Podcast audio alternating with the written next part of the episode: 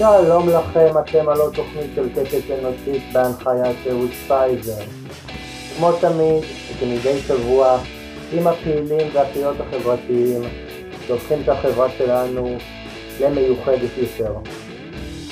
אני מזכיר כהרגלי בקודש את הבקשה, עתיקת יומין שלי, בתום האזנה לריאיון ובתום קידום הרעיון לשתף ברשתות החברתיים כדי שהתוכנית תמשיך לצבור קהל מאזינים שוטף.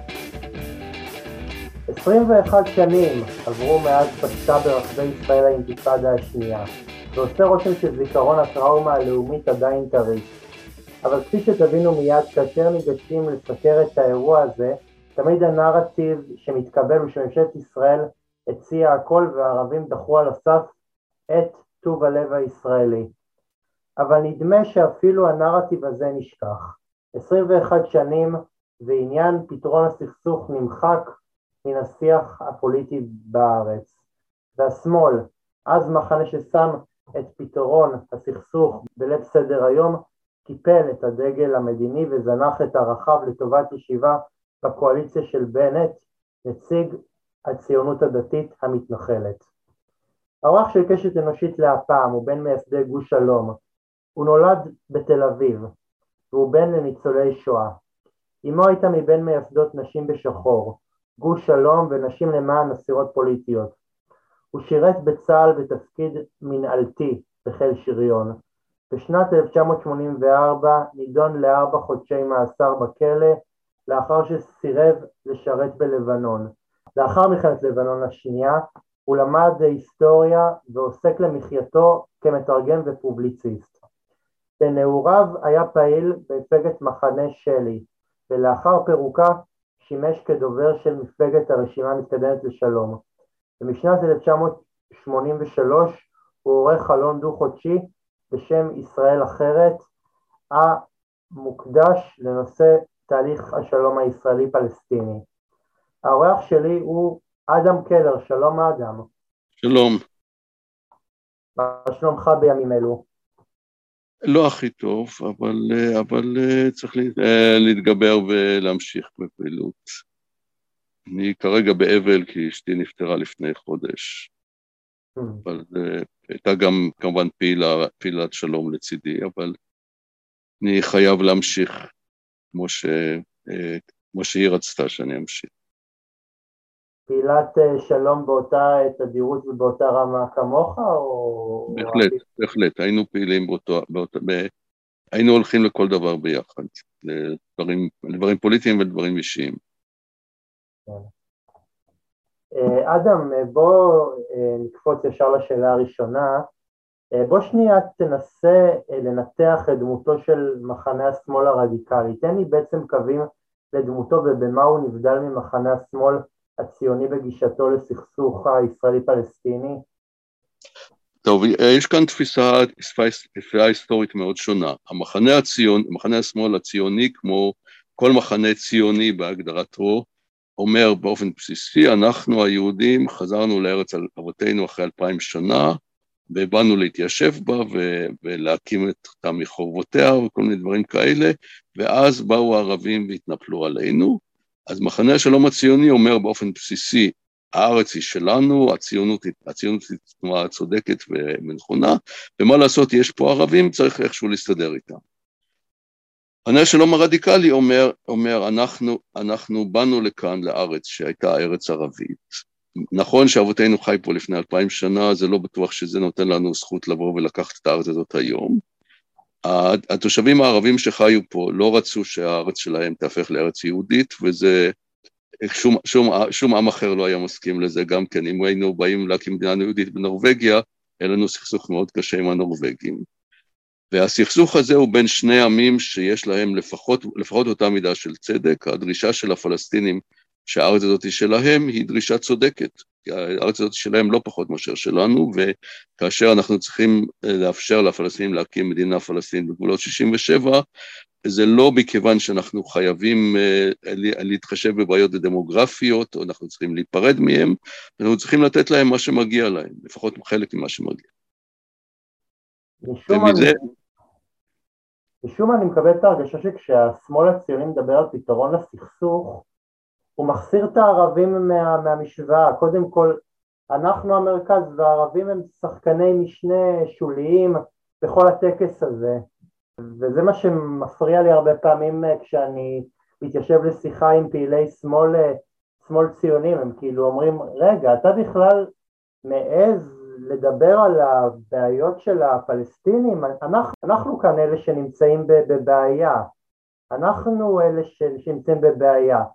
בכלל כל התייחסות של הפלסטינים כבעיה היא נורא נורא נורא צורמת לי, במקום להתעסק, אה, במקום להתייחס לפלסטינים כפרטנר, מתייחסים אליהם כבעיה.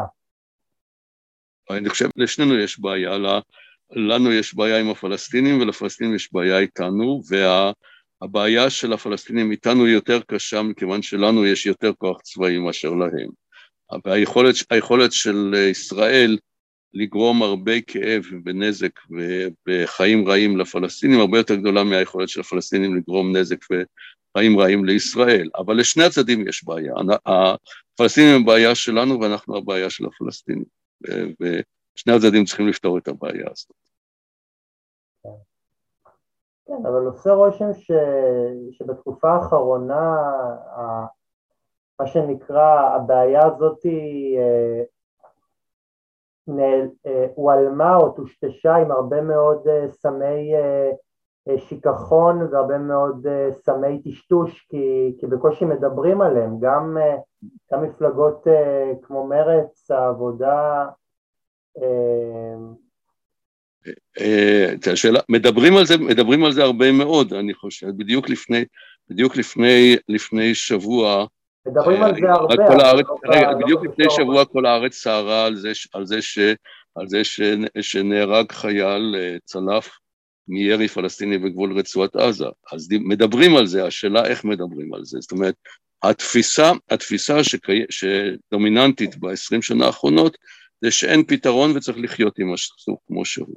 זה, זה התפיסה שכמובן אני, אני לא מקבל אותה, אבל זאת התפיסה הדומיננטית. אנשים, לא, לא שאנשים לא, לא יודעים שיש פלסטינים, לא יודעים שיש, שיש, שיש סכסוך עם הפלסטינים, מדברים על הסכסוך הזה כל הזמן. כל הזמן אומרים, יש, כל לפני כמה ימים ראיתי בעיתון ידיעות אחרונות, עיתון נפוץ ולא בדיוק עיתון שמאלני, יש הסלמה ביחסים עם הפלסטינים. זאת אומרת, זה שישנם פלסטינים ויש סכסוך איתם, כולם יודעים, רק הצליחו להכניס לציבור הישראלי את התפיסה שאין פתרון לסכסוך, צריך לחיות איתו. בן אדם, ש, בן אדם שהכי הכי תרם למצב הזה הוא בן אדם שנקרא אהוד ברק. זאת אומרת, אני חושב שאהוד ברק נתן, אה, תרם הרבה יותר לימין הישראלי מאשר כל מנהיג של הימין הישראלי. אהוד ברק הצליח להשריש את תפיסת הימין הישראלי, את התפיסה שאין פרטנר, בצורה, מכיוון, מכיוון שהוא קיבל קרדיט שלא הגיע לו בתור ראש ממשלה של שלום ואפילו הוא נחשב בתור יורשו של רבין. אז כשהוא אמר אין פרטנר, אז, אז האמינו לו שאין פרטנר. זה בהחלט אחד, ה, אחד הדברים, המורשת של אהוד ברק נשארה מאוד חזקה במדינת ישראל עד היום. כן, וגם אם אנחנו מדברים על 21 שנים באינתיפ... מפרוץ האינתיפאדה, זה כבר המקום לציין שהאינתיפאדה השנייה פרצה תחת המשמרת אה, שלו. אבל כשאתה אומר אה, שהוא השריש, אה, אני חושב שאתה מתכוון לאנשים בציבור השמאלי שבאמת מאוד מאוד האמינו ומאוד מאוד רצו לקוות להצלחת תהליך אוסלו, ואז פתאום בא בן אדם מנוסה שבעצם נבחר מתוך אה, אה, הבטחה לקדם את תהליך השלום, ואז פתאום בן אדם הזה אומר להם שאין פרטנר, אז, אז ברור שזה שבר נוראי למחנה שלם. נכון, אז אבל, אבל נגיד ככה, אם אתה, אם אתה מדבר עם ישראלי ממוצע, מה שהוא יגיד לך לגבי ה-20 שנה האחרונות, הוא יגיד, לגבי תהליך אוסלו, הוא יגיד, אנחנו הישראלים עשינו, רצינו בכנות להגיע לשלום עם הפלסטינים, עשינו המון המון ויתורים, המון, הכי, הכי ויתורים הכי קשים שהיינו יכולים לעשות, אבל הסתבר שהפלסטינים הרעים אה, לא, אה, לא רוצים אותנו, לא רוצים לעשות שלום, רוצים להרוג אותנו ולקחת את האדמה שלנו. אם תשאל, אם תשאל את הפלסטיני ממוצע, הוא יגיד לך בדיוק אותו דבר, רק במילים הפוכות. הוא יגיד, אנחנו הפלסטינים רצינו בכנות לעשות שלום עם הישראלים, עשינו כל מה שיכולנו, עשינו ויתורים הכי קשים שיכולים להיות, אבל מסתבר שהישראלים לא רוצים לעשות איתנו שלום והם רוצים רק להרוג אותנו ולקחת את האדמה שלנו. הבעיה, הבעיה הבסיסית של, הבעיה הבסיסית במה שקרה עם, עם תהליך אוסלו, אפשר כמובן לדבר שעות על מה בדיוק קרה עם אוסלו. באופן בסיסי ישראל רימתה את הפלסטינים, זאת אומרת ישראל אמרה לפלסטינים בשנת, בשנת 94 אנחנו חותמים על הסכם ביניים לחמש שנים, בחמש שנים, חמש שנים האלה אתם מקבלים רשות פלסטינית עם מעט מאוד כוח ממשי ביד, עם מעט מאוד שליטה בשטח, יהיה חלוקה לאזור A, B ו-C, כאשר אזור, אזור C נשאר בשליטה ישראלית מוחלטת, אזור B יש לכם שליטה חלקית, רק באזור A יש לכם שליטה מלאה, אבל כל זה דבר זמני לגמרי שצריך להיגמר, שמתחיל ב-1994, נגמר במאי 1999, ואז ב-1999 עוברים מזה לת... להסכם הקבע, כאשר הפלסטינים הניחו בצורה ברורה לגמרי ש... שהסכם הקבע זה אומר שישראל יוצאת מכל השטחים והם מקבלים מדינה פלסטינית בגבולות 67. זאת הסיבה האחת והיחידה בגלל... שבגללה ערפאת היה חתם על הסכם אוסלו, זאת אומרת, אילו ערפאת היה מעלה על דעתו בכלל, שבשנת 2021 עדיין ישראל תשב בשטחים ועדיין, ועדיין יבנו התנחלויות וההסכם הקבע לעולם לא יקום, אז הוא לא היה מעלה על דעתו בכלל לחתום על הסכם אוסלו. יש להזכיר אה, שאנחנו עדיין בתוך הסכם אוסלו. לא. לא, לא, אני, אני, זה מה שאני, זה מה שאני, זה בדיוק מה שאני מתנגד, רוצה להגיד, אנחנו לא בתוך הסכם אוסלו. הסכם אוסלו אמר, יש, יש, יש תקופת מעבר של חמש שנים, בחמש שנים האלה, חמש שנים האלה יש, יש מצב, של, מצב של רשות פלסטינית בלי כוח, ועם, ועם שליטה ישראלית ממשית בשטח, המצב הזה נגמר במאי 1999. ברגע שעבר מאי 1999 וישראל, וישראל ממשיכה במצב הזה, מה שהיה צריך להיות תאריך מצב ביניים, ממשיכה אותו לנצח, אז הסכם אוסלו מת, אין, הסכם ישראל הרסה את הסכם אוסלו. הבסיס, ה, ה, הלב של הסכם אוסלו היה שבמאי 1999 עוברים מהסכם ביניים להסכם קבע. ברגע שישראל לא קיימה את החלק שלה בהסכם, אז היא רמסה את הסכם אוסלו והרסה אותו. מה שהיום זה לא הסכם אוסלו. מה שטרגי זה שאם אתה שואל פלסטינים וישראלים, הם יגידו לך את אותו, אה, את אותו דבר, זאת אומרת, את אותו הנרטיב, וזה, וזה נראה לי... רק בהבדל מי אנחנו ומי הם, כן. מי מי כן. הטובים ומי הרעים. כן, כל הזמן זה, זה עניין של טובים מול, מול רעים. ו, וזה כל כך עצוב, כל כך טרגי, ש, שאנחנו תמיד הולכים ל, ל, לסוגיה, שאנחנו תמיד מפשטים כל סוגיה מורכבת לטובים ולרעים, guys, good guys, ו, וכשזה הדיון וכשזה צורת הניתוח, לך, ת, לך תקים מדינה עם טענות כאלה. זאת, זאת, זאת, זאת הנטייה של בני אדם באופן, באופן נורמלי. בדרך כלל, בדרך כלל כל קבוצה של בני אדם מחשיבים את עצמם בתור הטובים ואת הצד השני בתור הרעים.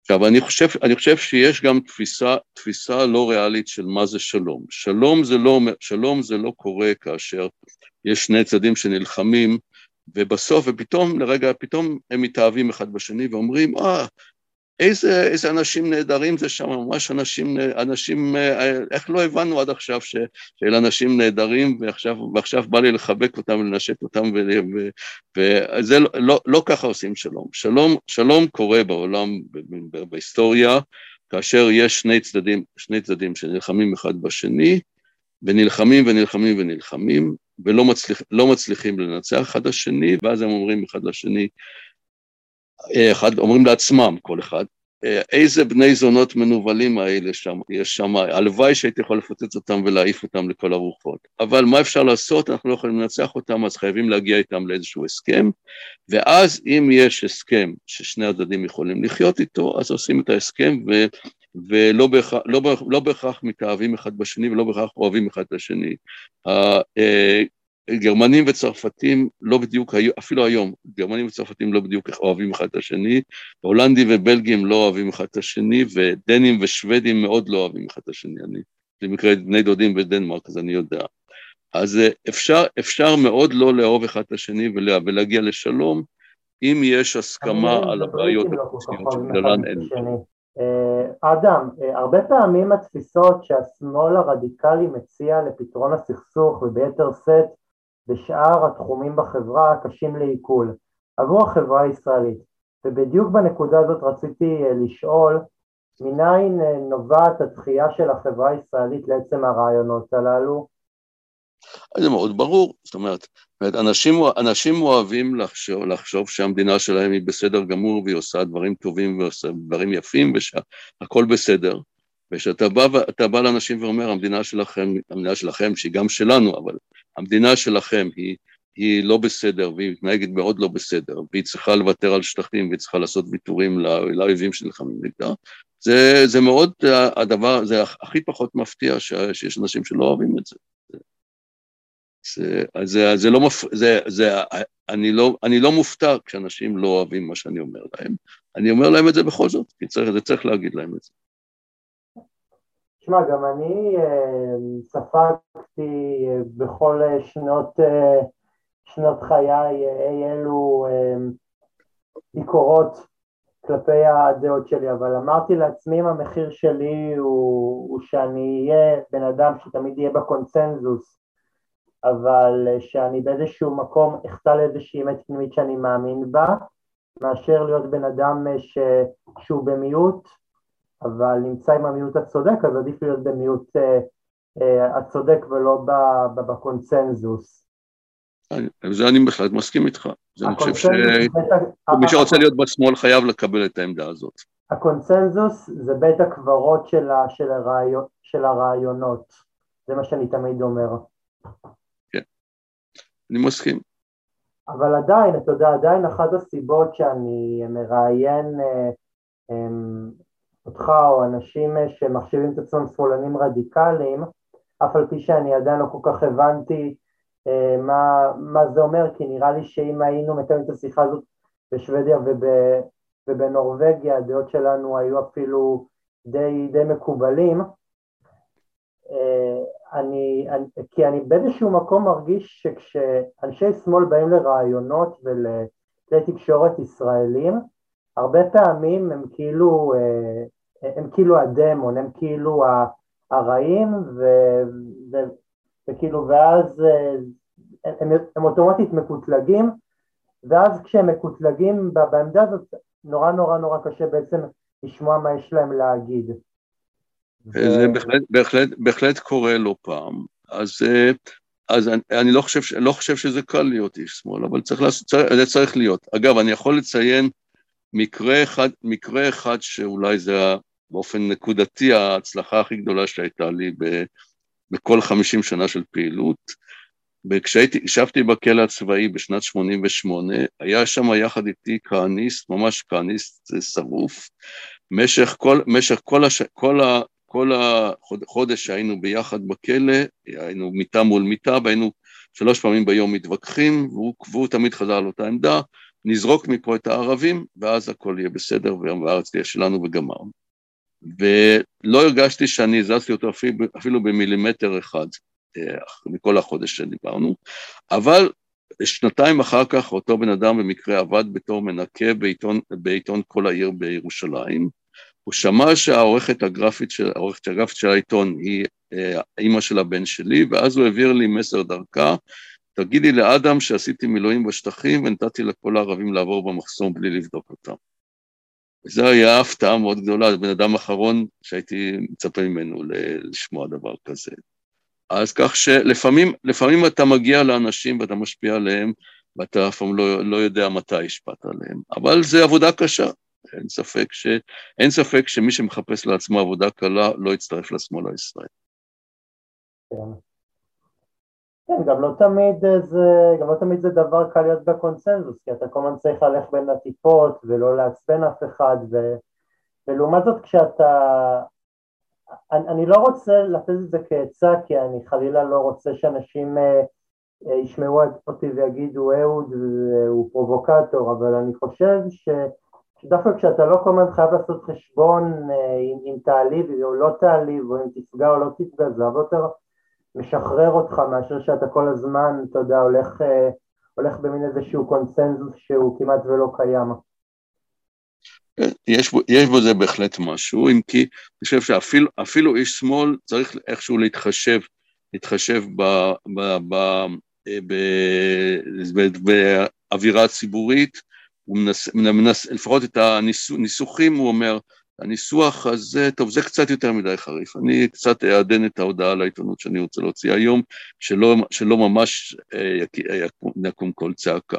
אבל באופן בסיסי זה נכון, אה, אנחנו בגוש שלום לא מרגישים מחויבים לקונסנזוס, לא מרגישים מחויבים אה, לא להגיד דברים לא פופולריים, אנחנו אומרים מה שאנחנו רוצים להגיד.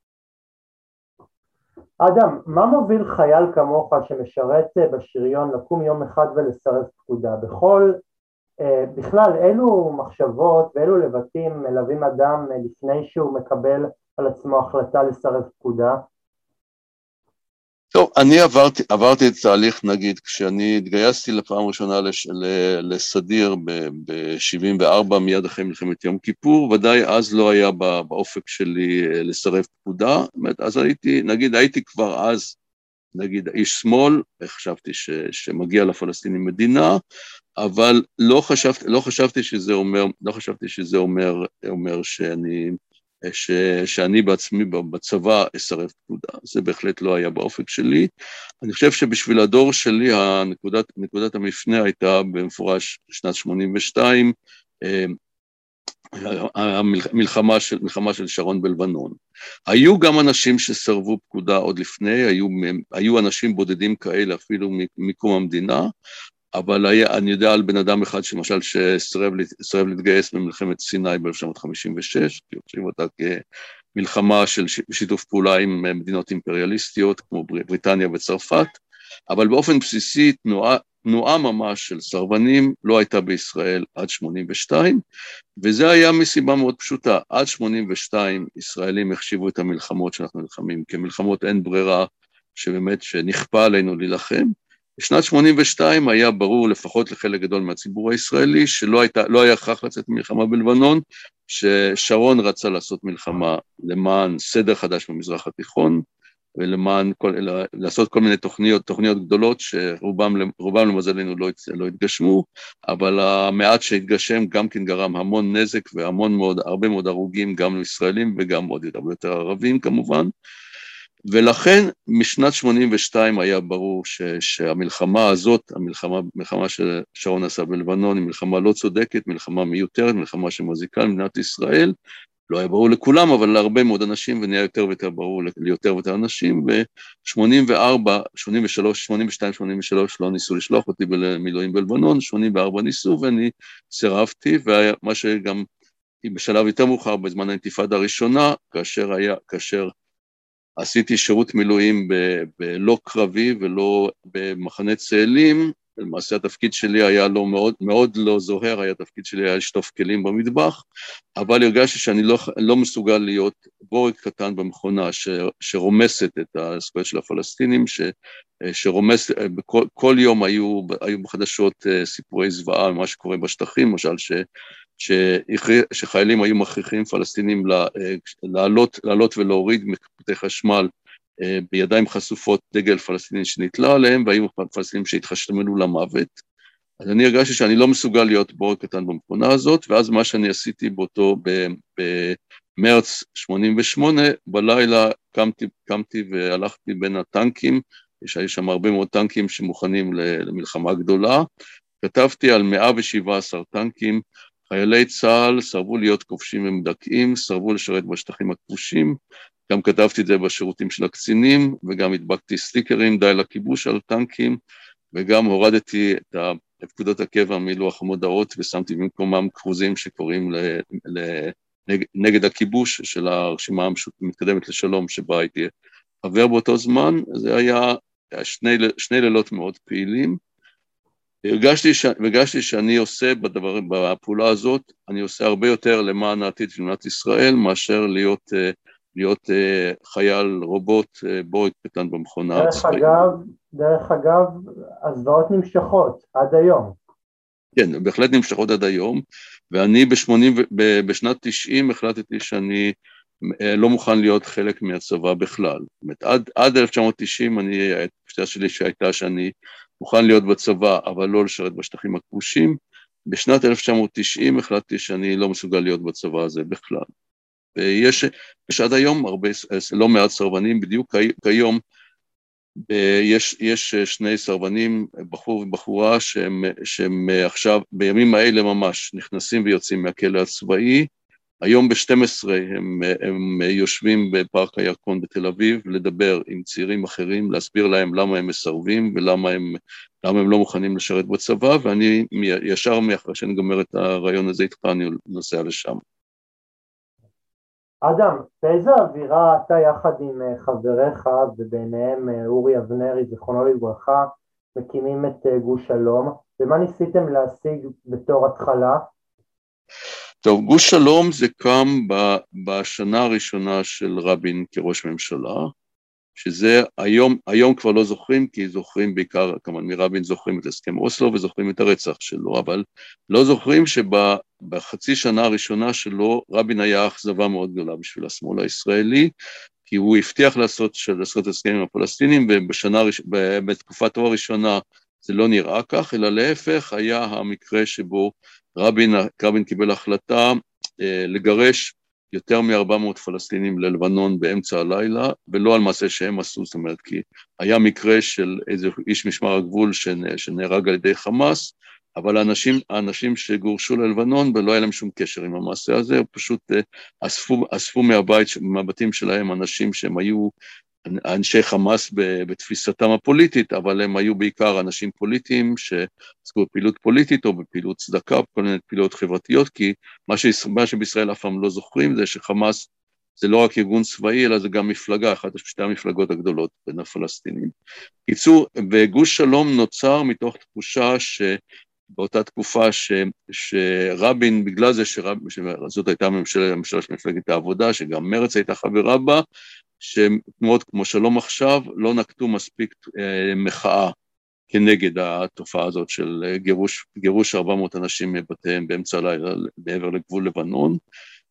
ואז אנחנו הקמנו עם אורי אבנרי ועם עוד אנשים, הקמנו את מה שנקרא אז בהתחלה הוועד היהודי ערבי נגד הגירוש, ואנחנו במשך, אה, במשך חודשיים ישבנו באוהל מחאה מול, מול, מול משרד ראש הממשלה בירושלים, אחר כך ב, ב, בסוף ינואר 95' אה, קלינטון נכנס לבית הלבן, ואז הדבר הראשון שהיה על שולחן שלו מהמזרח התיכון היה הסיפור הזה שגורשו 400 אה, פלסטינים ללבנון, אז קלינטון ניהל שיחת טלפון עם רבין וסיכם לפתור את הבעיה הזאת שתוך שנה הם יוכלו לחזור, ואז, היה, ואז הייתה השאלה האם, האם, אה, האם אה, האם אנחנו צריכים אה, להמשיך לקיים את הגוף הזה שהוקם נגד הגירוש, כתנועת שלום יותר כללית, או שאנחנו מתפזרים והולכים הביתה, ואז החלטנו לקיים אותו, ולקחנו את השם גוש שלום, ופעלנו אז, פעלנו אז, אז כמובן היה לנו, היה לנו תקופות שונות, אחר כך, אחרי, אחרי שרבין חתם על הסכם אוסלו, כמובן אנחנו יותר, הרבה יותר תמכנו בו מאשר כאשר התנועה הזאת הוקמה, ולמשל אני ועוד חברים היינו בכיכר בלילה שבו רבין נרצח, שהחתמנו על עצומה, ואנחנו קראנו לרבין, קראנו לרבין להמשיך הלאה בהסכם אוסלו וללכת ללכת, ללכת הלאה בדרך שבה הוא התחיל. אנחנו נקטנו בכל מיני עמדות שרצינו לדחוף אותו יותר קדימה, למשל אנחנו קראנו לשחרור כל האסירים הפלסטינים, לדעתנו היה, זה הייתה טעות שמדינת ישראל, שחתמה על הסכם עם הפלסטינים, השאירה הרבה מאוד פלסטינים בכלא. הייתה, היו צריכים אז לתת חנינה כללית לכל האסירים הפלסטינים, זה היה משנה מאוד את האווירה. אנחנו למשל, אנחנו, היה לנו ויכוח עם רבין לגבי עניין ירושלים, ירושלים, אה, רבין, רבין עדיין קיים את, את, העמדה, את העמדה שהייתה אז מקובלת בקונסנזוס בציבור הישראלי, שירושלים המאוחדת היא בירת ישראל לנצח ולא תחולק לעולם. אנחנו אמרנו שזה בלתי, בלתי אפשרי, אם רוצים להגיע לשלום עם הפלסטינים, חייבים לקבל ש... מזרח ירושלים תהיה בירת מדינת פלסטין, מערב ירושלים בירת ישראל, והעיר כולה מאוחדת מבחינה מוניציפלית. אנחנו אז קיימנו, עשינו אה, אה, עצומה מאוד גדולה של יותר מאלף ישראלים, ישראלים ופלסטינים, חלק, אנשים די מוכרים וידועים משני הצדדים, שאמרנו ירושלים היא שלנו, שלנו של הישראלים, שלנו של הפלסטינים, ואני, ואנחנו קראנו לעמדה הזאת של ירושלים בירת שתי מדינות, ואני חושב שלא שהיום העמדה הזאת מקובלת על הציבור הישראלי כולו, אבל היום יש לה הרבה יותר, הרבה יותר לגיטימציה להגיד את זה בציבור הישראלי, ממה ש, שלפני שאנחנו התחלנו את היוזמה הזאת. אנחנו גם קראנו לחרם על מוצרי התנחלויות, אמרנו שישראלים, ישראלים שמתנגדים להתנחלויות, שרואים בהתנחלויות דבר, דבר מזיק, פוגע, פוגע בעתיד שלנו, לא צריכים לממן מכספם את ההתנחלויות האלה, וצריכים כשהולכים, כשהולכים, בדיוק כמו שבן אדם דתי, אה, אם הוא, אם הוא, הוא בודק ואוכל רק מזון כשר, וזו זכותו לפי העמדה שלו, אז אה, בן אדם, בן אדם שוחר שלום, שהוא הולך לסופרמרקט השכונתי, צריך להסתכל על המדף, לראות מאיפה מגיעים המוצרים שעומדים על המדף, ולא לקנות מוצרים שמגיעים מהתנחלויות בשטחים כבושים.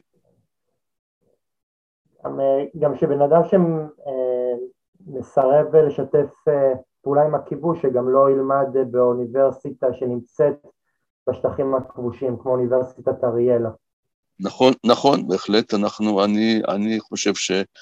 אני, אם, אם, היום, אם היום הייתי במצב של, אה, בגיל שבו אני הולך ללמוד באוניברסיטה, ודאי שלאוניברסיטה הזאת לא הייתי הולך ללמוד. אדם, תגיד, מה הקשיים שמלווים היום איש שמאל בארץ, כשלמעשה המחנה שלנו למעשה כבר כמעט ולא קיים? אני, קודם כל אני לא מקבל את הטענה הזאת שהמחנה שלנו כמעט ולא קיים. המחנה שלנו הרבה יותר חלש ממה שהיה לפני עשרים שנה, זה נכון. אני חושב שהוא מאוד קיים והוא מאוד משפיע גם, וכשאני רואה מדי פעם את ההתפרצויות, התפרצויות הזעם שיש לכל אנשי ימין נגד תנועות כמו שוברים שתיקה למשל, ושיש פתאום, פתאום אתה שומע, שומע מס, מסע אינטנסיבי ביותר של, של כל, מיני, כל מיני פרשנים ימניים וכל מיני דמויות פוליטיות מה, מהימין, מתקיפים, מתקיפים בלי הפסק תנועה מסוימת, זה אומר שהתנועה הזאת קיימת ושהיא, לוחצת, לא, ושהיא דורכת למישהו על יבלות מאוד קשות. השמאל, הישראל, השמאל הישראלי עבר כל מיני תקופות, למשל אפשר להגיד ש, שבשנת 1948, כאשר הייתה הנכבה, למעשה לא היה קיים בארץ בכלל שמאל ישראלי במשמעות של היום. כלומר, אה, בשנת 48' כמובן הממשלה בישראל הייתה ממשלה שקראה לעצמה שמאל, אה, בן גוריון, מפא"י, מפ"ם, החשיבו את עצמם בתור שמאל במונחים שהיו אז, אבל במונחים של היום, אני חושב שממשלה שגירשה מאות אלפי תושבים ערבים מבתיהם, לא הייתה נחשבת היום כממשלת שמאל. ונגיד, נגיד בזמן שקרתה הנכבה ב-1948, למעשה לא היה בארץ שום גוף פוליטי מאורגן שהקים כל מחאה נגד זה. היום אני חושב שלמשל, שדבר כזה לא יכול היה לקרות. זאת אומרת, אני חושב שהיום היום מדינת ישראל לא יכולה, לא יכולה לבצע גירוש המוני של פלסטינים, היא עושה הרבה מאוד מעשי, מעשים מתועבים בשטחים, אבל גירוש המוני כמו שהיה ב-48 לא יכול להיות, ואני חושב שזה בגלל זה שבהחלט כן יש מחנה שמאל בישראל גם היום. שוב, אני לא מדבר על, על כוחות בשמאל, אני מדבר על, על מה ש... מי שמוביל היום את השמאל שהוא שהוא בחר להביא לו, להוביל אותו דווקא לקואליציה עם אה, בנט, אבל אה, כן, אני חושב ש...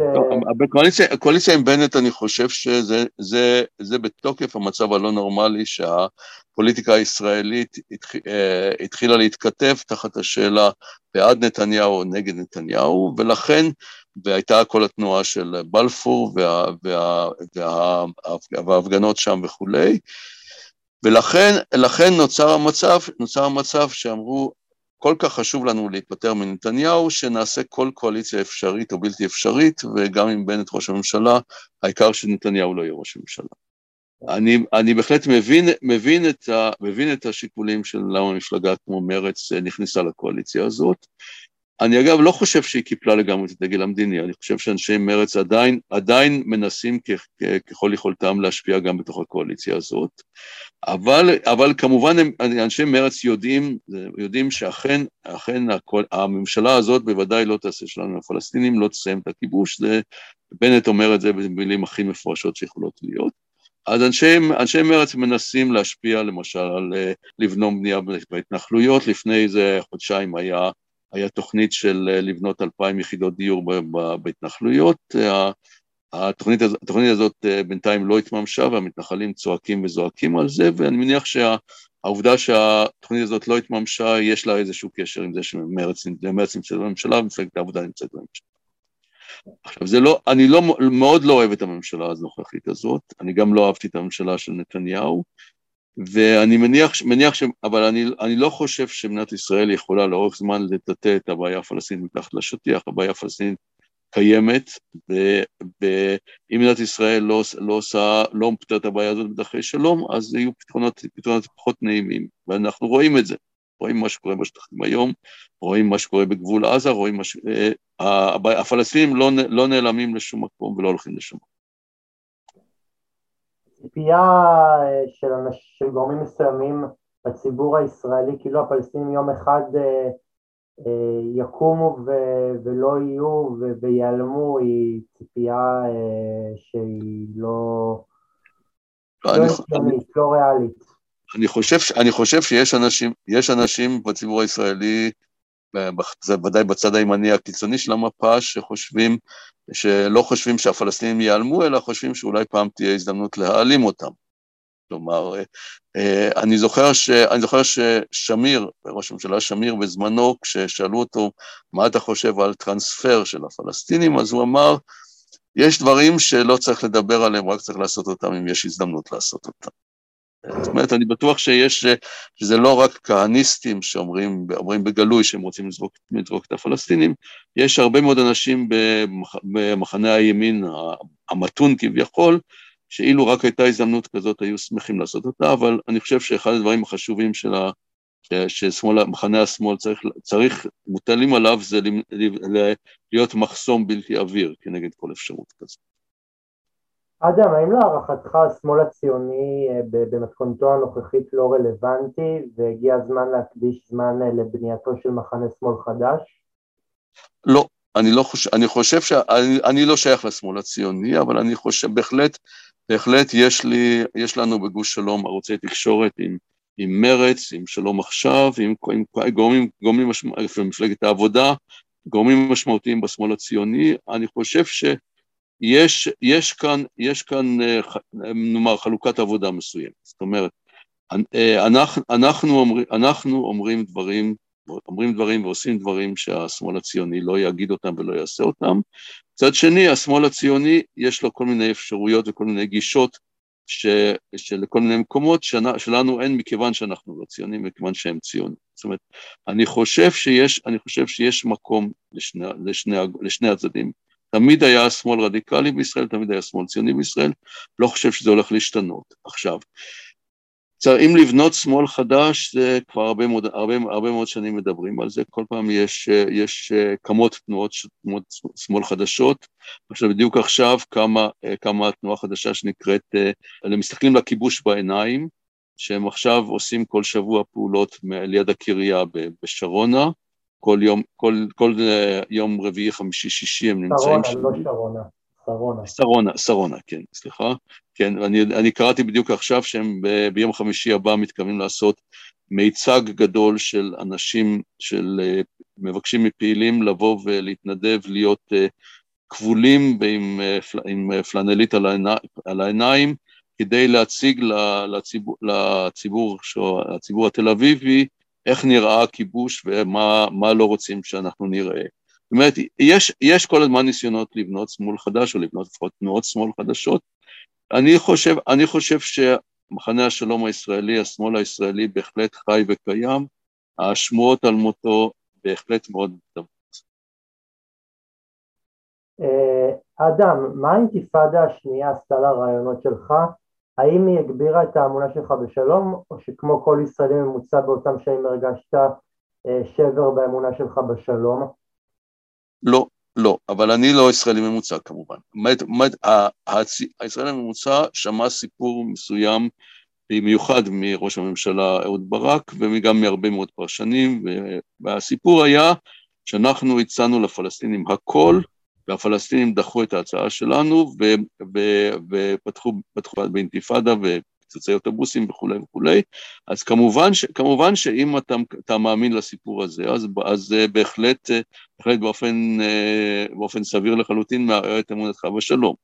הסיפור שאנחנו, גוש שלום, סיפרנו, ניסינו לספר, לא, מאוד, לא, לא בהרבה הצלחה, אבל הסיפור שאנחנו התעקשנו בו, שא', שההצעות של אהוד ברק היו הרבה פחות נדיבות ממה שהוא, ממה שהוא מצליח למכור לציבור הישראלי, מכיוון שהוא עשה בעצם פנקסנות כפולה, זאת אומרת, הוא אמר, אמר לפלסטינים, באופן תיאורטי, עקרוני, אני נותן לכם מדינה על 95% מהשטח, זה נשמע יפה מאוד, אבל הוא הוסיף, בקעת הירדן תישאר בשליטה צבאית ישראלית. בקעת הירדן, זה תלוי כמה, איך אתה מגדיר את זה, בקעת הירדן יכול להגדיר אותה בתור שליש מכל שטח הגדה המערבית.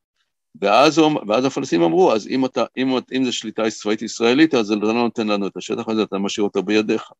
זה אומר, זה אומר, הפלסטינים אמרו, אז אתה לא מציע לנו 95% מהשטח, אתה מציע לנו אולי 60, 60, 65% מהשטח, זה לא מספיק מבחינתנו. זה מה שזה, עכשיו, עכשיו, והנקודה הבסיסית, הנקודה הבסיסית שהצליחו לגמרי להעלים אותה מהציבור הישראלי, זה ש...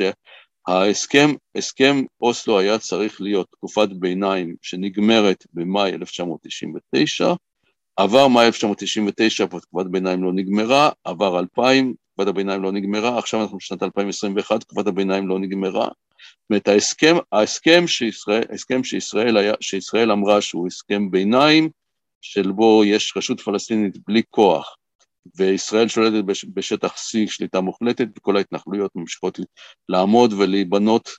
זה, זה מה שהיה צריך להיגמר בשנמה 1999, וזה לא נגמר, לא נגמר עד היום.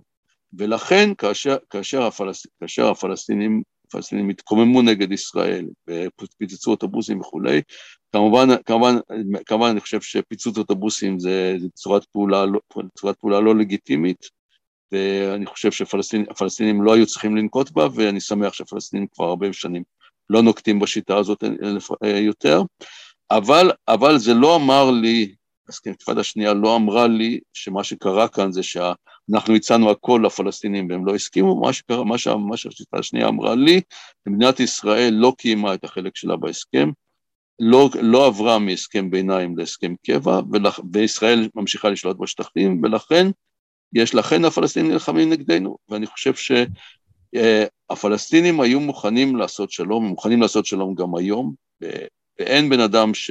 אין מנהיג פלסטיני שהלך יותר רחוק אה, כלפי, לעבר השלום מאשר, מאשר אבו מאזן, יש הרבה פלסטינים שמחשיבים אותו כבוגד, כמשתף של ישראל, אבל הפלסטינים מוכנים לעשות שלום בתנאי שישראל תצא מהשטחים. אם ישראל לא יוצאת מהשטחים, הפלסטינים לא יעשו שלום. אבל נראה לי שככל שעובר הזמן, כאילו בזמן אמת היה קשה לראות את המציאות אה, העירומה, הפשוטה, אבל נראה לי שהיום ככל שעובר הזמן ומבינים מה, מה קרה באותם אה, ימים, גם בקמפ דיוויד וגם יותר מאוחר באינתיפאדה, מבינים אה, ש... שהצד הישראלי יצא לקמפ דיוויד במטרה להכשיל את, את, ה, את תהליך השלום, זאת אומרת, רצו לדחוק את ערפאת אה, אה, לפינה, לא שאני חושב שערפאת היה צדיק גדול, אני לא חושב ככה, אבל רצו באיזשהו מקום אה, לדחוק אותו ולהפעיל עליו לחץ, ואני חושב ש, ש, שכשאתה מבין את זה, לא צריך להיות גאון גדול בשביל להבין שזה, שגם, שכל בן אדם מן היישוב וכל בן אדם ריאלי לא היה מסכים להצעה הזאת. לא, אני, אני, אני, אני, לי, ודאי אין ויכוח איתך, אני חושב שחלק גדול מהציבור הישראלי יש לו ויכוח איתך, אבל אני חושב שהיום היום זה באמת עבר כבר מהשלב ש, שלב שמדברים על מה היה בקמפ דיוויד, או מה הציע אולמרט אחר כך, לשלב שבו פשוט אנשים אומרים, טוב, אי אפשר להגיע לשלם עם הפלסטינים וזהו זה, ו, ולכן צריך לחיות עם זה שיש סכסוך. היום, היום אני חושב אנשים בישראל כבר לא כל כך חושבים למה זה ואיך זה, פשוט מקבלים את זה כעובדה שאי אפשר להגיע לשלום. וזה, וזה המצב שבו אנחנו חיים היום. אני חושב שהשינויים, תרשה להיות קצת יותר אופטימי ממך, אני חושב שהשינויים הכי גדולים קורים דווקא כשאנשים הכי לא מוכנים אליהם. יכול בהחלט להיות. אני, אני, אני, אף פעם, אני אף פעם לא מאבד תקווה. זאת אומרת, אנחנו, אנחנו בשל הגוש שלום עושים מה שאנחנו יכולים, אנחנו לוחצים ולוחצים ולוחצים, ואם אנחנו נצליח או לא נצליח, אני לא יודע, אבל ודאי שאם לא ננסה, אנחנו לא נצליח. אדם, כאבא לבן שבחר לסרב גיוס, אה, וכבן אדם שסרב גיוס בעצמו, אה, מדוע לנו אה, כחברה כל כך קשה לשמוע את האנשים שמסרבים להתגייס וישר אנשים רצים לתייג אותם כגיס חמישי? טוב, זה, זה מאוד ברור שמדינת ישראל, מדינת ישראל היא מדינה, ש, מדינה שמאוד מאוד מבוססת על הצבא שלה. אפילו אני חושב ש, שיש בסיס להגיד שישראל יותר צבא שיש לו מדינה מאשר מדינה שיש לה צבא. צבא, צה"ל, צה"ל הוא באופן, הוא צבא גדול באופן בלתי פרופורציונלי לגודל של מדינת ישראל, יש לה, אני חושב היום, צה"ל יותר גדול מאשר מה שהיום הצבא הבריטי והצבא הצרפתי, למשל. אז uh, ישראל, ישראל היא מדינה קטנה שמחזיקה צבא של מעצמה, וישראל מדינה שבה, ש, שמאוד מאוד מעריכה ומעריצה את הצבא שלה, ובודדים בתי ספר לפי לפי כמה מתגייסים אה, באו מאותו בית ספר ומודדים ערים שלמות, למה, אה, לפי כמה, לפי אה, כמה מתגייסים יש בעיר הזאת ו, ו, וכולי וכולי. באמת האתוס, האתוס הישראלי שאומר שצ, ש, שצעיר בגיל 18 צריך ללכת ולהתגייס ולהיות בצבא הוא מאוד מאוד חזק, מאוד מאוד דומיננטי, כך שזה ברור, ש, ברור שבן אדם ש, ש, שמסרב לאתוס הזה, מסרב להתגייס, אז הוא, הוא אה, יוצא נגד, נגד דבר שמאוד מאוד חזק ומושרש בחברה, אבל אני רוצה להגיד, אני רוצה להגיד שלדעתי, לדעתי היום בחברה הישראלית יש יותר, יותר קבלה ויותר לגיטימציה של, של אנשים שמסרבים מאשר לפני 30 שנה למשל. אני מסתכל, מסתכל, על, מסתכל על זה, יש, זה לא, לא, לא כולם, יש, יש בהחלט כאלה ש, ש, שנלחמים בשצף קצף ואומרים סרבנים זה גיס חמישי וזה אויבי המדינה וצריכים להכניס אותם לכלא לא, לש, להרבה שנים וכל מיני דברים כאלה, אבל זה בהחלט לא, לא הגישה הלגמרי דומיננטית. יש, אני חושב, לא מעט, לא, יש, יש קודם כל ספקטרום מאוד רחב שמתחיל, נגיד, מתחיל מצעירים שבאים בגלוי לצבא ואומרים, אני מסרב, אני מסרבת, יש היום הרבה, גם הרבה נשים שמסרבות, ו, ו, ש, ו, ו, והולכים לכלא ו, ויושבים בכלא עוד פעם ועוד פעם ועוד פעם עד שהצבא נמאס לו. ויש הרבה יותר סרבנים אפורים, אנשים, ש, אנשים שמוצאים כל מיני דרכים לצאת מהצבא, יש אנשים שלא מתבייש, לא מתביישים ל, ל, בפרופיל 21, אומרים ש, ש, שיגידו עליי שאני משוגע, אני לא רוצה את הצבא הזה וגמרנו. ויש, ויש, גם, ויש גם אנשים שהם נגיד ראש קטן, זאת אומרת, הם כן הולכים לצבא והם מנסים לעשות בצבא כמה שפחות, ולהעביר את השלוש שנים האלה כמה שיותר מהר וכמה שיותר בקלות, ונגמר השלוש שנים, אז זורקים, זורקים את המדים ורצים למזרח הרחוק או לדרום אמריקה. זאת אומרת, יש, יש ספקטרום מאוד גדול של אנשים שהיום במדינת ישראל, שהם לא מקבלים כבר את הצבא כדבר קדוש וכדבר שחייבים להיות בו, וזה מכיוון, מכיוון שהיום אני חושב שדי ברור שהצבא, התפקיד העיקרי של צה"ל זה לדכא את הפלסטינים. כבר עברו, עברו, עברו 30 שנה למעשה מאז, 40 שנה למעשה, מאז שהצבא, צה"ל נלחם פעם אחרונה מלחמה ממש קלאסית של צבא מול צבא, מלחמת יום כיפור, בדיוק עכשיו עבר, היה יום השנה, הדור הנוכחי של חיילים וקצינים בצה"ל, כל, ה, כל, ה, כל השירות שלהם וכל התפקידים שלהם זה איך לדכא את הפלסטינים, איך להחזיק את הפלסטינים תחת שלטון מדינת ישראל. אבל אני חושב שה...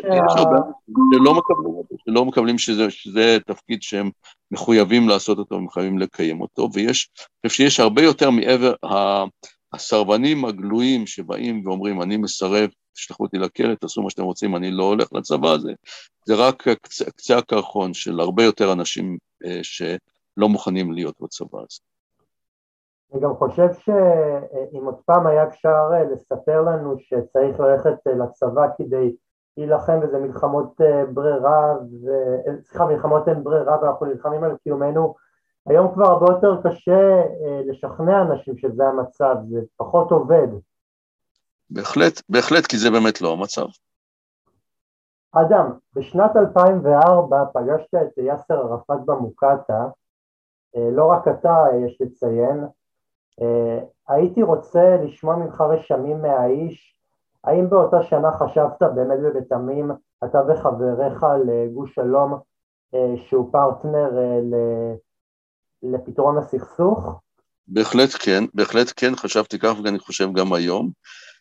אז אה, נגיד ככה, נגיד ככה, השאלה, פרטנר לפתרון הסכסוך, השאלה פרטנר, פרטנר באיזה תנאים, זאת אומרת אם אתה שואל למשל, אה, מנחם בגין, מנחם בגין היה מפקד האצ"ל, האצ"ל נלחם נגד הצבא הבריטי, עשה הרבה מאוד פעולות נגד הצבא הבריטי שהיום קוראים להם פיגועים, הצבא, מנחם בגין אה, שלח את האנשים שלו לפוצץ את המפקדה הבריטית במלון המלך דוד בירושלים, ושם נהרגו יותר ממאה איש במכה אחת, אני חושב ששום פעולה של חמאס או של ג'יהאד האסלאמי או כל פעולה אחרת לא, לא הרגה אף פעם יותר ממאה איש במכה אחת. אז האם אתה שואל את מנחם בגין, אתה, אתה מוכן לעשות שלום עם הבריטים? אז הוא אמר, ודאי אני מוכן לעשות שלום עם הבריטים, בתנאי שהבריטים אה, יפסיקו לשלוט בנו וייתנו לנו להקים מדינה יהודית, אז, אז, אז אין לי בעיה איתם, ובאמת, אחר כך, אחר כך מנחם בגין היה ראש ממשלה, והוא בא לבריטניה והתקבל כאורח מדיני בדאונינג סטריט 10, ולא היה לו שום בעיה. הבעיה שלו הייתה, הבעיה שלו עם הבריטים הייתה שהבריטים רצו להמשיך לשלוט בארץ ולקיים פה את המנדט לאורך זמן, וה... מנחם בגין, ולא רק הוא, רצו, רצו שהבריטים יעזבו וייתנו לנו להקים מדינה יהודית, אז על זה, על זה הוא ביצע כל מיני פעולות שישראל, שהבריטים החשיבו אותו כטרוריסט, ו, וגם, וגם ישראל היום הייתה מחשיבה הפלסטינית שהיה עושה מה שעשה מנחם בגין, או אפילו עשירית מה שעשה מנחם בגין, היה מחשיבה אותו כטרוריסט מסוכן. אבל אה, באמת יאסר ערפאת, יאסר ערפאת בשנת 93' בעל הבית הלבן חתם על הסכם אוסלו עם, עם אה, רבין, כאשר, כאשר ההנחה של יאסר ערפאת, כאשר הוא חתם על ההסכם הזה, שבשנת 99' ישראל יוצאת מהשטחים ומאפשרת לפלסטינים להקים מדינה. אני חושב שאילו ישראל הייתה עושה את זה, מה שהיא הבטיחה, ויכול להיות שאילו רבין לא היה נרצח, לא היה ממשיך, נהיה נבחר באותו ראש ממשלה, כהונה שנייה ב-94, ב-96, והיה לו ארבע שנים נוספות, יכול להיות שהוא היה באמת מבצע את זה, ואז היינו חיים כבר עכשיו ב-20 שנה בשלום עם הפלסטינים עם יאסר ערפאת. אבל, אבל ברור, ברגע, ברגע שהתברר שישראל לא יוצאת מהשטחים, וישראל לא מאפשרת להקים מדינה פלסטינית, אז ברור שיאסר ערפאת בתנאים האלה לא פרטנר שלום. בתנאים, בתנאים של ישראל, תנאים שישראל יושבת בשטחים, אין פרטנר פלסטיני, באמת נכון. פרטנר פלסטיני זה רק פרטנר שאם ישראל מוכנה לצאת מהשטחים להקים מדינה פלסטינית בגבולות 67 פחות או יותר. אבל תשמע, אה, הגורל אה, התגלגל בכיוון אה, ההפוך לחלוטין, אתה יודע, ביבי נתניהו נבחר לכהונה ראשונה ואז, ואז הוא הפסיד לברק וה, וההיסטוריה ידועה מראש. אגב, אני רוצה, אני רוצה, אני רוצה רק להוסיף, להוסיף לגבי יאסר ערפאת, שאני לא סתם, לא סתם היינו במוקטעה ופגשנו את ערפאת, זה היה משהו יותר מזה, אנחנו למעשה באנו למוקטעה כדי להיות, אפשר להגיד, מגן אנושי לערפאת. זאת אומרת, היה מצב שהיה היה פיגוע, פיגוע בראשון לציון, וראש אה, הממשלה שרון, שהוא היה אז, אה, דיבר בצורה מאוד מפורש, בצורה מאוד מפורשת, שהלילה אני גומר, גומר עם ערפאת, שולח חיילים למוקטעה, להיכנס למוקטעה ולגמור איתו. ואז אנחנו כ-40 אנשים, אזרחים ישראלים, ואורי אבנרי ואשתו היו בינינו, וגם אשתי, בביאטה, שנפטרה לפני חודש, הייתה יחד איתי שם. באנו פשוט, בל... באנו פשוט בלילה למוקטעה, וישבנו שם לפני המשרד של ערפאת, ואנחנו, ו, ו, ו, ואני, ואני התקשרתי לאמצעי התקשורת ואמרתי, אם, אם אה, שרון רוצה לשלוח חיילי קומנדו לכאן הלילה, שידע שיש פה 40 אזרחים ישראלים שיושבים לפני המשרד של ערפאת, ואם הוא רוצה להיכנס למשרד של ערפאת, הוא יצטרך לעבור דרכנו.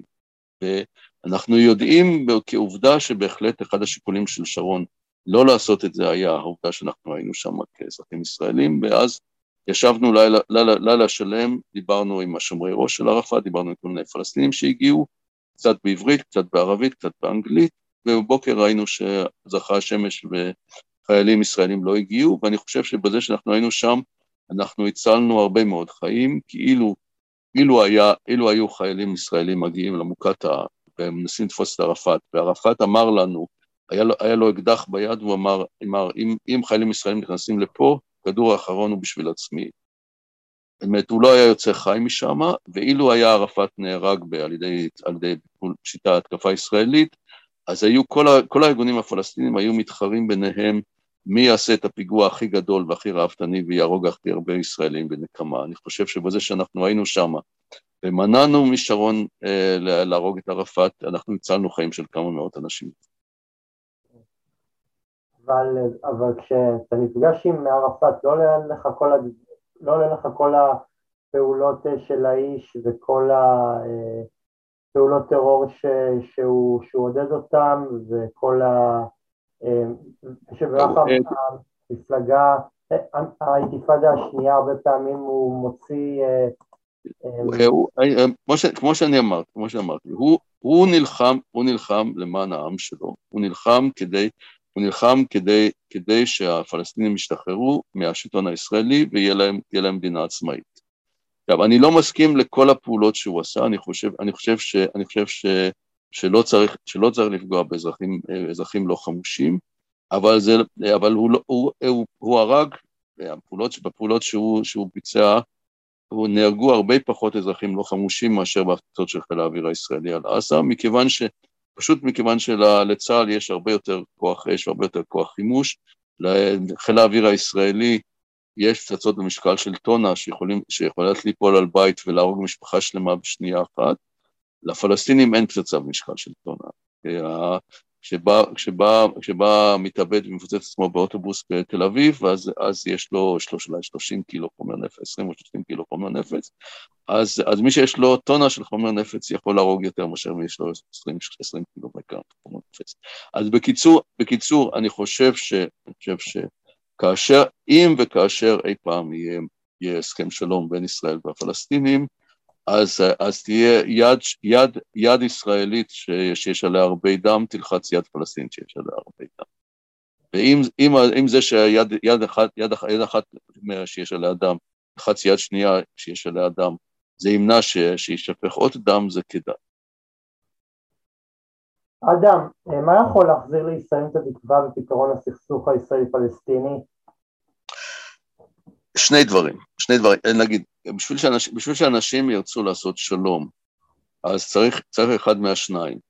או שהם, או שהם ירגישו הרבה מאוד תקווה לשלום, בהרגשה ש, ששלום אפשרי ושלום כדאי, וצריך, וצריך, וצריך ללכת אליו, או שאם אין את זה, אז צריך להיות תחושה מאוד חזקה שהמצב הקיים הוא בלתי נסבל וחייבים לפתור אותו וחייבים להגיע לשלום כי המצב הקיים בלתי נסבל. כיום אין לא את זה ולא את זה. זאת אומרת, אין, אין, אין, אין בציבור הישראלי אין תקווה לשלום, ישנה תחושה מאוד חזקה שהמצב, הקי... ש... שהשלום בלתי אפשרי, הפלסטינים לא רוצים, הפלסטינים אין פרטנר וכולי, ומצד שני גם אין תחושה, אין תחושה מאוד חזקה שהמצב הקיים הוא בלתי נסבל וחייבים לעשות משהו כדי לפתור אותו. ולכן הישראלי, רוב הישראלים מרגישים שטוב, נמשיך במצב הקיים, המשכנו ככה 54 שנה מאז 67, נמשיך עוד 100 שנה. אז נגיד, נגיד, הדבר, הדבר הטוב והרצוי היה, היה ש, שיהיה מנהיג פלסטיני שייצא באיזושהי יוזמת שלום נועזת ויגיד לציבור, ויגיד לציבור הישראלי שבואו נעשה שלום ובואו תאמינו לי שאני רוצה לעשות שלום.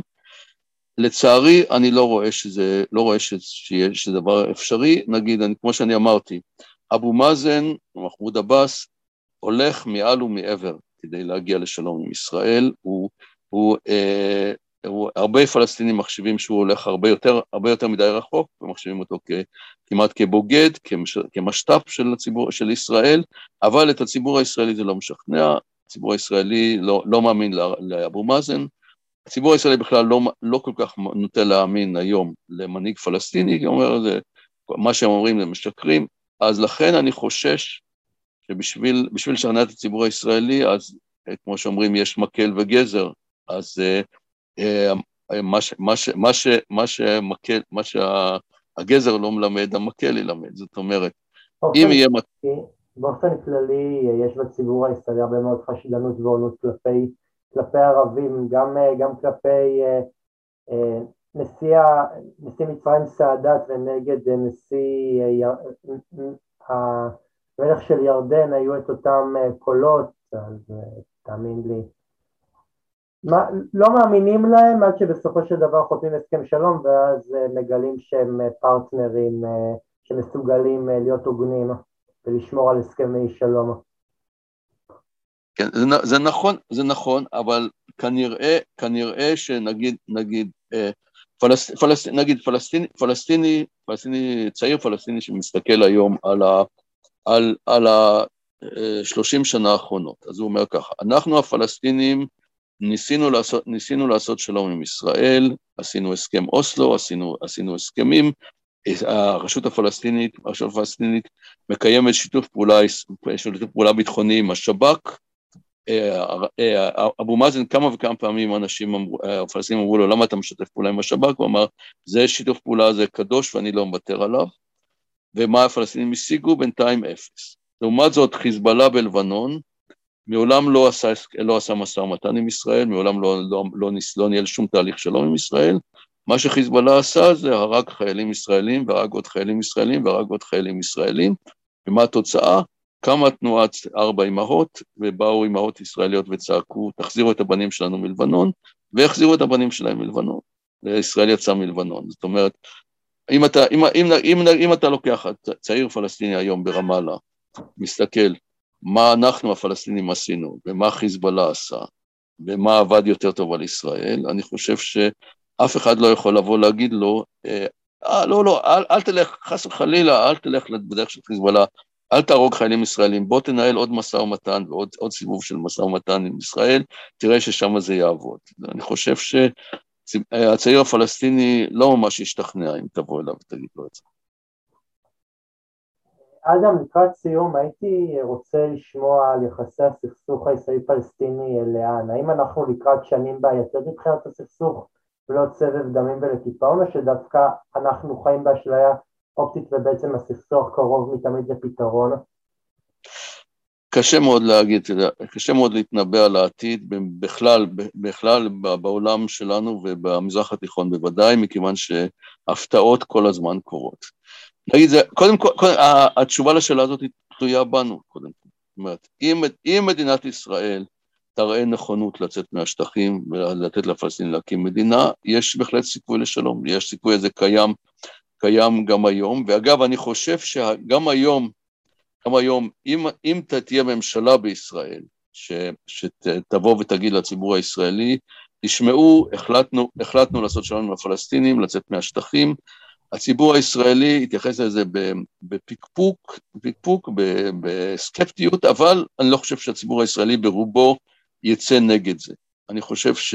אה, אני חושב, אני חושב שאם אם הממשלה, אם, אם נגיד מחר, מחר, זה לא יהיה, ודאי לא יהיה בנט, אבל יהיה נגיד איזשהו, אולי זה יהיה יאיר לפיד, כשהוא יהיה בעוד שנתיים, אני לא יודע, לא, אין לי כל כך הרבה תקוות לגביו, אבל נגיד שאיזשהו ראש ממשלה ישראלי יבוא ויגיד, אני החלטתי לעשות שלום עם הפלסטינים, לצאת, לצאת מהשטחים, לתת לזה עוד סיכוי, נתן להם להקים מדינה, ועכשיו אני מעמיד את זה למשאל עם, ותחליט, ותחליטו אם אתם בעד או נגד, אם, אם תצביעו תצביעו כן, יהיה לנו שלום, תצביעו לא, לא, לא יהיה לנו שלום. אני חושב שח, שרוב גדול בציבור הישראלי, רוב של 60 עד 70 אחוז יצביעו כן. אבל בשביל זה צריך שתהיה ממשלה כזאת, כרגע אין ממשלה כזאת. ואם לא, אם, אם מדינת ישראל לא תנקוט צעדים ולא תהיה מוכנה לצאת מהשטחים, ותמשיך לבנות התנחלויות, ותמשיך לקי... להגיד אנחנו נמשיך בסכסוך וננהל את הסכסוך, אז ננהל את הסכסוך הזה עוד, עוד מאה שנה. ואני לא בטוח שבעוד מאה שנה עדיין ישראל תוכל, תהיה חזקה במזרח התיכון, תהיה בעוצמה צבאית כמו שהיא היום. אדם, אה, לסיום, במה מתאפיינת פעילות אה, גוש שלום כיום, בעידן שבעצם החברה הישראלית לקחה פסק זמן מהעיסוק בתהליך המדיני?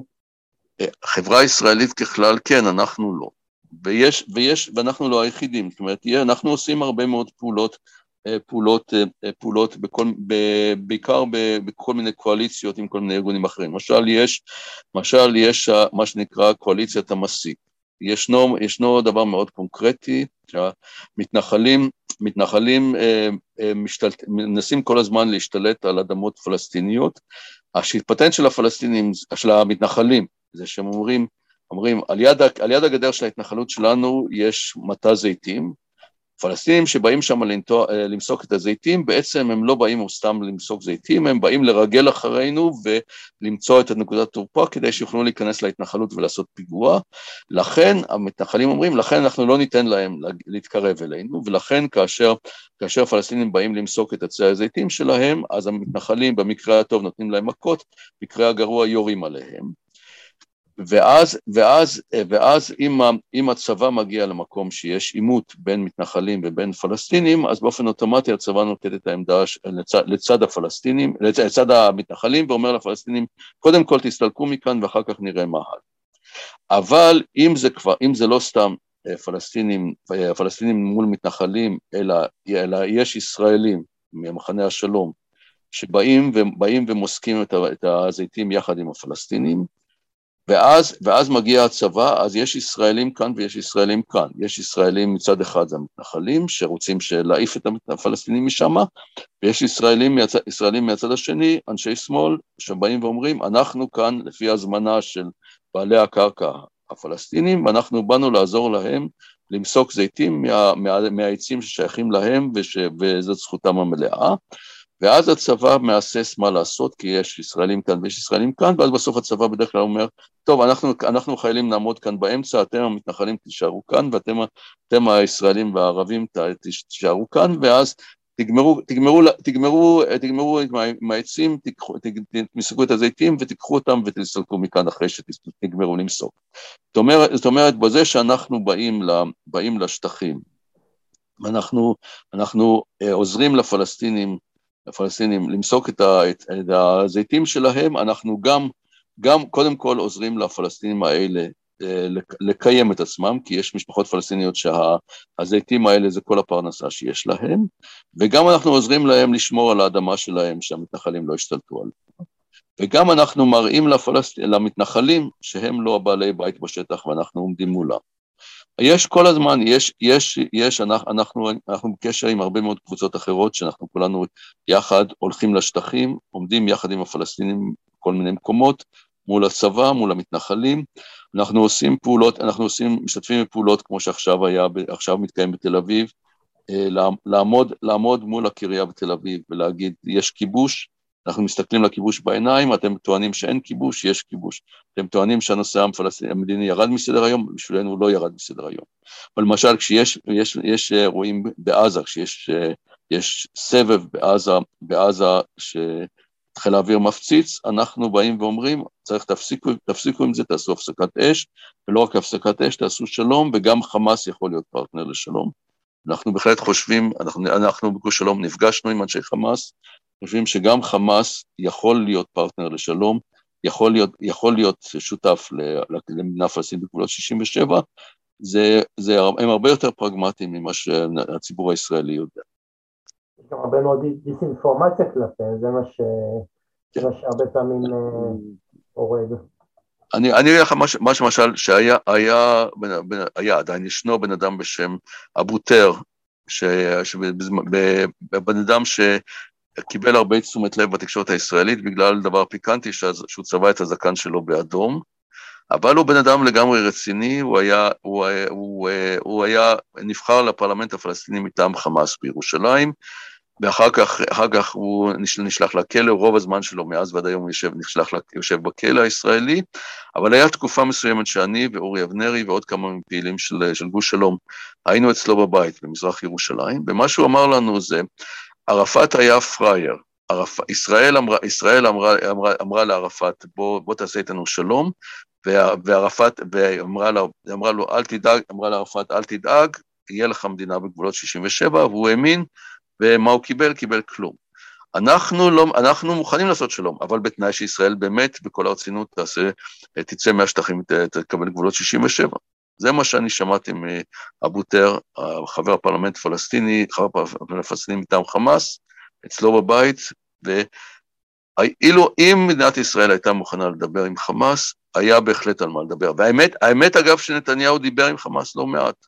נתניהו, נתניהו בכלל אה, חיזק את חמאס כי הוא רצה להחליש את הרשות הפלסטינית, ונתניהו דאג, דאג לשלוח לחמאס אה, מזוודות של כסף מקטר, רק נתניהו לא היה מוכן לקבל את חמאס, את חמאס בתור שותף להסכם אה, לטווח ארוך, רק כל מיני הסכמים זניים לזמן קצר מאוד. אדם, עצוב מאוד, אבל לצערי הרב זאת המציאות שלנו כאן. ואני מקווה שהעתיד אה, יהיה עתיד אה, הרבה יותר מזהיר עם הפנים קדימה ובאמת שלא נפסיק גם אני וגם אתה אה, לשאוף לשלום ולגמר הסכסוך בינינו לבין הפלסטינים. ותודה רבה לכם מאזינים ומאזינות יקרים שהקשבתם לתוכנית קשת אנושית, אני מזכיר לכם אם אתם רוצים לפנות אליי כדי שאני אתן לכם במה בתוכנית שלי, אזכיר לכם את מספר הטלפון שלי 050-353-1729